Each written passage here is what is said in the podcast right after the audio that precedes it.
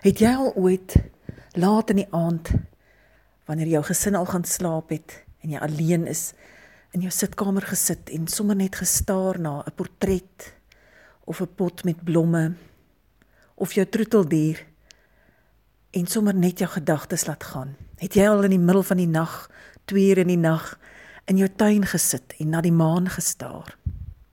Het jy al ooit op 'n Saterdag aand alleen 'n kunsfliek gaan kyk, een van daardie films met onderskrifte? En dan gaan sit jy heel voor waar almal jou kan sien, maar waar niemand naby jou sit nie sodat jy kan lag en huil net soveel soos wat jy wil. En het jy al ooit nadat jy so 'n kunsfliek gaan kyk het, alleen gaan koffie drink en gesit en dink oor wat vir jou betekenis gehad het? Wat was vir jou mooi? Wat het jou ontstel? Wat gaan jy met jou saamdra? Het jy al ooit iewers ver op 'n plek waar dit mooi is, alleen gaan stap met net jou gunsteling musiek in jou ore?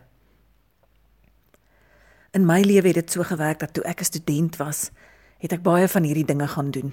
Ek het baie dinge gehad oor te vroeg. Onthou dit was nou in die dae voor nuwe Suid-Afrika en dit was lank voordat ek die liefde van my lewe ontmoet het.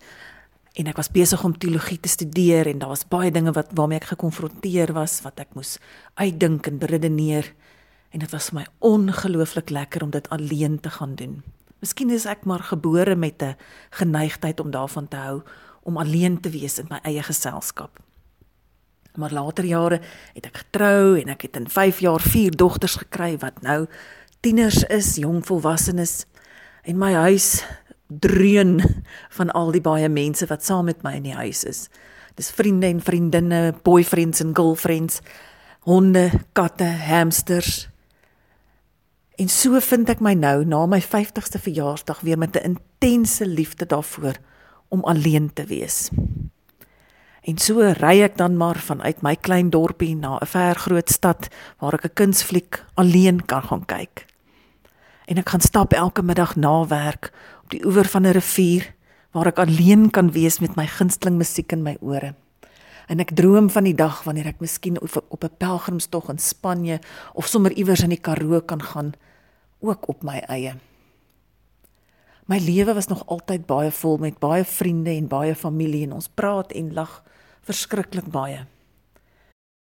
Maar dit is my interessant dat nou dat ek amper in my tweede adolessensie is, die tweede helfte van my lewe en ek weer weer 'n keer oor alles herbesin soos toe ek 'n student was, dat ek weer hierdie intense behoefte het om alleen te wees en dat ek in hierdie alleen wees allerlei nuwe ontdekkings gemaak het, net soos toe ek 'n jong mens was hierdie alleen tye wat ek nou beleef was vir my 'n nuwe kennismaking.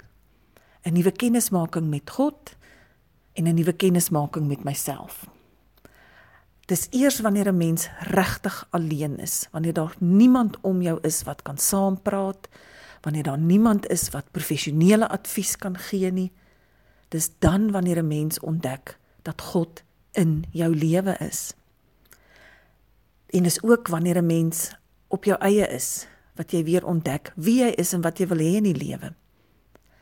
Ek gaan net maar eerlik wees en beken dat ek nog nooit baie van myself gehou het nie. Ek was al baie jare in baie terapie sessies met baie verskillende sielkundiges om tog oor hierdie ewige minderwaardigheidskompleks te kom.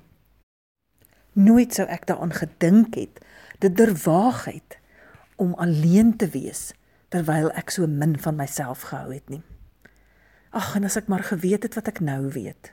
Hoe meer tyd 'n mens alleen met jouself spandeer, alleen is saam met jou Skepper, hoe meer raak jy bevriend met jouself. Ek kon myself baie ure se terapie sessies in baie rande gespaar het deur vriendinne met myself te geword het soos wat ek dit nou besig is om te word.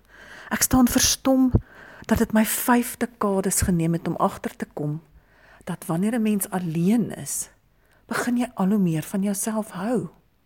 Ek begin agterkom dat ek baie graag my eie vriendin wil wees, dat ek baie graag vir myself raad en advies wil gee, dat ek my eie trane wil vang en my eie trooster wil wees. En dit is dan weer iets wat ek vir God kan teruggee as 'n vorm van gebed van dankbaarheid. En dis iets wat ek kan aangee na ander mense. Miskien het jy nie altyd 'n keuse of jy alleen kan wees of nie.